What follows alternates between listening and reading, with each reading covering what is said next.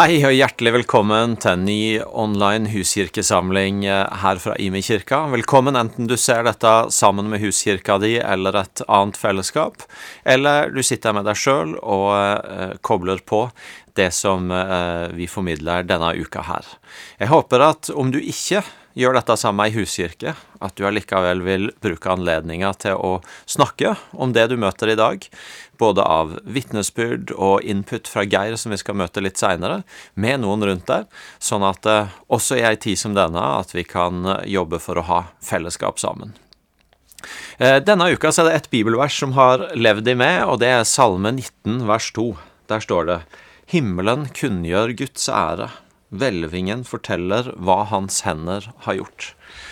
Eh, fantastiske ord om at ved å se rundt oss, ved å se på himmelen, ved å se på skaperverket, så kan vi få se noe av Guds storhet. Og eh, i hvert fall for de av oss som er i Stavanger eller i regionen rundt, så har vi hatt ei tid nå hvor det har vært, syns jeg, utrolig lett å se Gud i skaperverket rundt. Det har vært fantastiske farger på himmelen, det har vært eh, klare vinterdager, og det har vært hvitt og vakkert rundt oss. Og for meg så har dette verset blitt en påminner om å se Gud i det, og om å takke Gud. Ikke bruke tida mi så mye kanskje på å tenke på det jeg ikke kan gjøre i denne tida, av covid, men å takke Gud for alt det jeg får ta inn og se og oppleve i det vakre Han har skapt. Og så har jeg oppdaga at jeg kan se Gud i farger på himmelen, i snø og is på vann, i barn som kvitrer over å få gå på ski og skøyter, og i voksne som ser litt mer ut som Bambi på isen, men kan le litt av hverandre likevel, så kan vi få takke Gud for det skaperverket Han har gitt oss, og gjennom det se noe av Hans storhet i disse ukene og dagene som er nå. Så hadde jeg jo lyst til å oppmuntre deg med et uh, kort lite vitnesbyrd som minner oss om kraften i godhet. Fikk høre fra en av menighetsplantingene ut fra Imi-kirken at de hadde opplevd uh, noen naboer som ikke var helt fornøyd med uh, at huskirka de sin var sammen.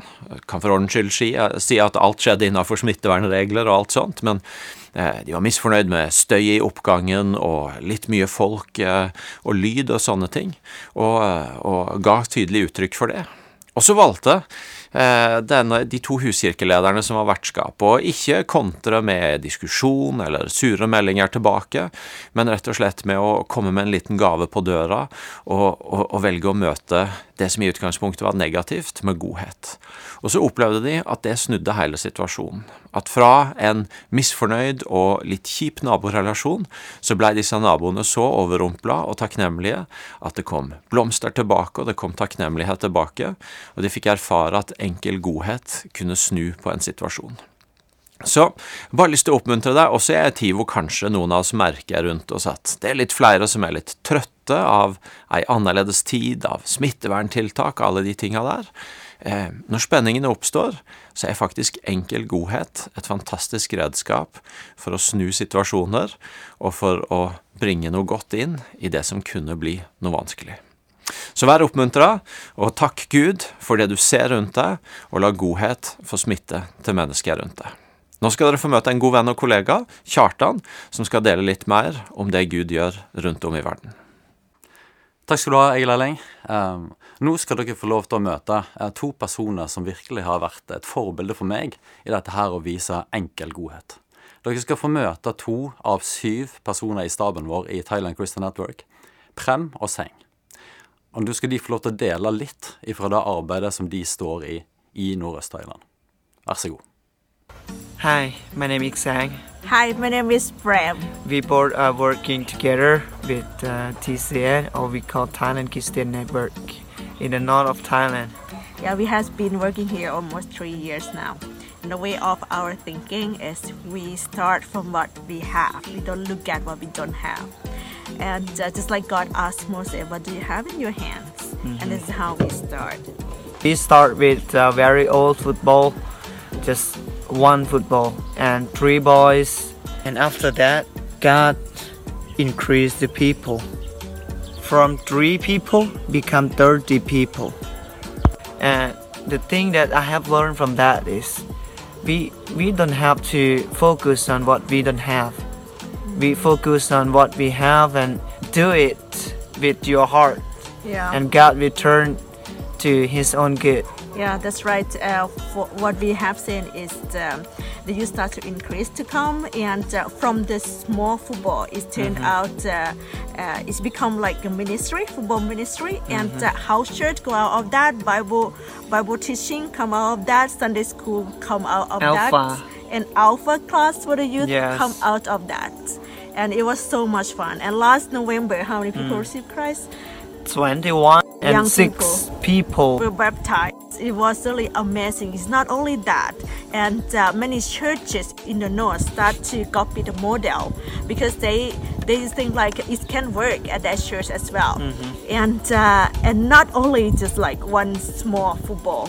But it's like connecting with many different churches as well. It's um, because when we play football, we don't need to talk much. And it's like having fun together. Don't need talk. Don't need to talk about ministry or agenda, and simply hanging as a family. It's so beautiful picture to see. It's really amazing. And uh, our uh, pastor, we call him Pastor Martin Cave, used to say, "Be a good soil so that every seed can grow."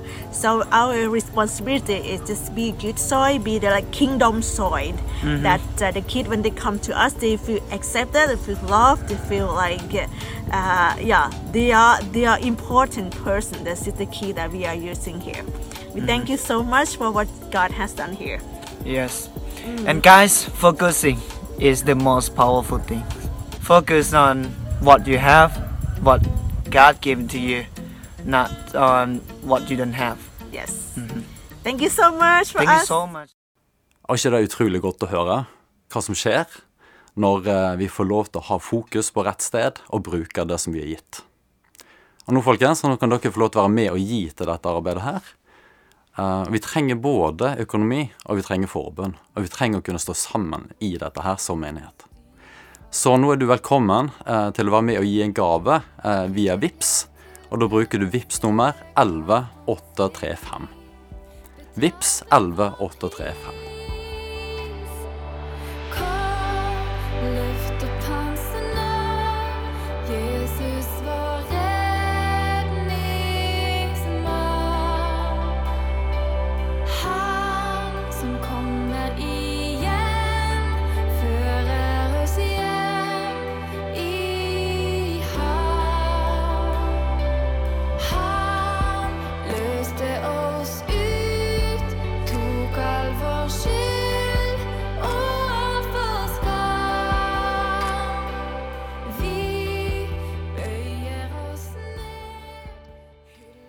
Hei, jeg heter Geir Loftesnes, og jeg har gleden av å dele noen tanker med dere i dag. Vi skal begynne med å lese fra Matteus 25, vers 1-13. Og hvis du har eh, eh, fulgt vår bibelleseplan på ett år, så har du kanskje lest denne teksten sjøl nylig. Hvis du ikke følger den og har lyst til å vite mer, så kan du søke opp, eh, på, søke opp dette her på våre Facebook-sider. Da leser vi. Da kan himmelriket sammenlignes med ti brud brudepiker som tok oljelampene sine og gikk ut for å møte brudgommen. Fem av dem var uforstandige, og fem var kloke. De uforstandige tok med seg lampene sine, men ikke olje. Men de kloke tok med seg kanner med olje sammen med lampene. Da det trakk ut før brudgommen kom, ble de alle trette og sovna. Men ved midnatt så lød det et, lød det et rop.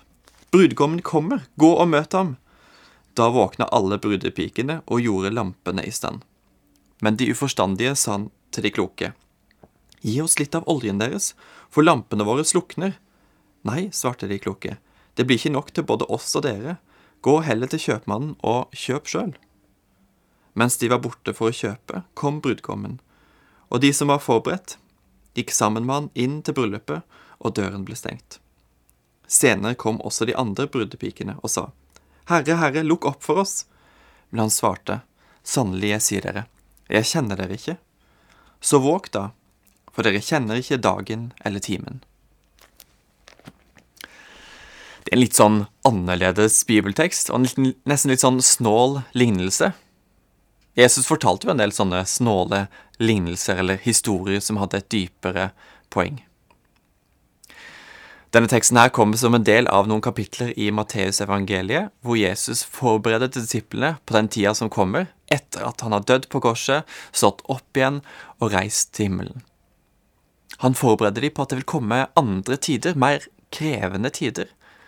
Og han forbereder dem på at han vil komme tilbake, og at de må forvalte gavene og talentene sine godt før det. Ja, at de må bruke ventetida godt, om du vil. Kanskje du er som meg, at du hører et større og større håp om endring på koronarestriksjonene i møte med folk eller nyhetene for tida. At ventetiden nærmer seg slutt. Vi vet at vi har klart å leve i dette her gjennom snart et år, og med vaksine og alt, så vil det snart bli en slutt på dette her. Men enda så er det litt tid igjen. I det siste så har jeg vært i flere ulike sammenhenger hvor det er blitt snakka om hvordan kan vi bruke denne tida godt? Hva kan vi gjøre nå som gjør at vi er klare til den tida som kommer etter korona? Lignelsen om brudepikene sikter jo egentlig til at vi at det er vi som er kirke, Jesu etterfølgere, er disse brudepikene som venter på en brudkom som skal komme. Og det er jo Jesus sjøl. Vi venter på å bli tatt med til bryllupet som i himmelen. At vi aldri kan vite når den tida kommer, men at vi må være klare og forberedt. Ha kanner med olje, sånn at ikke ilden, det brennende troslivet, relasjonen vår med Gud, ebber ut eller slukner i ventetida. Dette er jo en lignelse som gjelder all tid mens vi venter på at Jesus skal komme tilbake. Foruten Jesu gjenkomst, hvorfor skal vi ha fulle oljekanner akkurat i en tid som denne? Store kriser fører til store endringer, både på samfunnsnivå, men òg hos enkeltmennesker. Og når krisen er over, så har liksom landskapet endra seg. Når korona er over, hva venter oss da? Kanskje naboer og venner trenger å finne en ny mening med livet og tilværelsen, eller plutselig lengter etter svar på store spørsmål. En Gud som ser de og elsker de. Kanskje arbeidsplassen din trenger visdom og innsikt fra en annen verden for å løse en ny utfordring. Og så videre. Vi vet ikke helt hva som venter oss etterpå. Men måtte vi som kirke da være et Guds folk, fulle av Den hellige ånd, fulle av olje på kanna, om du vil, til å møte samfunnet og enkeltmennesker med kraft og med kjærlighet og med visdom, og på den måten være klare til å bringe Guds rike nær i en ny tid. Så hvordan kan vi ha fulle oljekanner? Som lignelsen òg påpeker, så er målet med olje på kanna det er jo relasjonen vår med Jesus. Det at vi skal få kjenne Han. Og det kan foregå på flere forskjellige måter, og jeg skal nevne tre i dag. For det første bønn. I det siste så har jeg blitt minnet om, på, minnet om denne viktigheten av å be, og det å være utholden i bønn. Jeg tror det er mennesker i vår menighet og andre steder som opplever å få et sånn økt behov for å be om at Gud skal gripe inn i vår verden i møte med ulike situasjoner og utfordringer. Og jeg tror at vi er i en viktig fase når det gjelder bønn, å koble seg på Guds hjerte og be Guds vilje skje helt fram til det skjer. Gjenkjenner du dette her, så vil jeg oppmuntre deg til å snakke med noen andre om det, og ta gjerne kontakt med Anne Lunde, som leder forbønns, forbønnstjenesten vår på huset. Hun vil hjelpe deg på veien og koble deg på likesinna. Nummer to lovsang. Jeg hører vi er mange som savner å komme sammen for å lovsynge Gud. Og dette er jo ikke alltid like lett å gjøre aleine, og vi savner drahjelpen og forbildene vi har i fellesskapet. Jeg har bedt vår lovsangspastor, Øystein Øvergaard, om å gi oss noen tips til hvordan lovsang kan se ut i denne tida. Og da sa han for det første start med å bestemme deg for å, å gi tid og rom for lovsang i hverdagen. Og videre lag en spilleliste med noen sanger som du kan, kan så godt at du blir deltaker i tilbedelse, at du blir med og lovsynger. Og så sa han òg videre at, eh, at det er lurt å finne sanger som passer med det du ber om gjennombrudd på i eget eller menighetens liv. På den måten så kan du koble både bønn og lovsang sammen, og at det kan gå hånd i hånd. Så det var noen gode tips fra Øystein. Det siste punktet, nummer tre, handler om samtaler og fellesskap med andre troende. Vi snakker mye om huskirke her i Imekirka, og viktigheten av mindre fellesskap. Og du er jo fortsatt invitert til å koble deg på det hvis ikke du tilhører et sånt fellesskap. Men jeg vil òg slå et slag for den gode samtalen og god tid med en venn som du kan dele troslivet med. Da tror jeg du vil erfare å få noe av din venns olje over på din kanne, samtidig som at hun eller han ikke nødvendigvis har mista noe av oljen sjøl. Merkelig, hæ? Til slutt så har jeg lyst til å gi deg en utfordring akkurat nå. Sett på en låssang eller litt rolig musikk, og be Gud vise deg hvordan du kan fylle på oljekanna di i en tid som denne, som gjør at du er klar for den tida som kommer, og som ligger framover. Tar du utfordringen?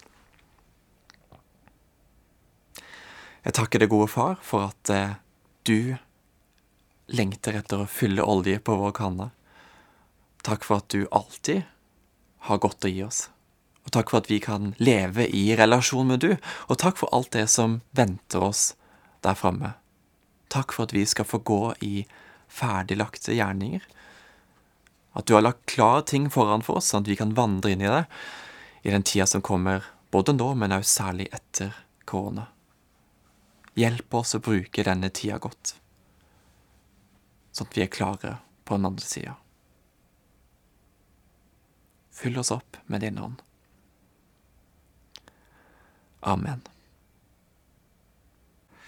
Tusen takk skal du ha, Geir. Takk for at du gir oss en viktig påminner og en viktig utfordring. Når mange av de strukturene vi er vant til å ha, eh, er endra eller er borte, så trenger vi både å oppmuntre hverandre og utfordre hverandre til å velge de tinga som fyller oss opp, og holder oss levende, også åndelig talt. Eh, som jeg sa i innledningen av eh, denne samlinga, så oppmuntrer vi deg til å se dette sammen i huskirke eller et annet fellesskap. Og da har vi noen spørsmål som dere kan bruke for å få i gang samtalen rundt det Geir nå har delt. Det første spørsmålet det er hva tror du at Gud viser deg at du kan gjøre for å fylle på oljekanna di nå? Og spørsmål to det er hvordan ser det ut at du tar dette på alvor i den neste uka og den neste måneden? Så del hva Gud viser deg om hvordan det kan se ut i ditt liv, og utfordre hverandre på hvordan dere vil handle på det. Og Med det sagt så ønsker jeg deg en fortsatt god dag og ei velsigna uke, og så skal vi få avslutte samlinga med å ta imot Herrens velsignelse. Må Herren velsigne deg og bevare deg. Herren la sitt ansikt lyse over deg og være deg nådig. Må Herren løfte sitt åsyn på deg og gi deg fred. Amen.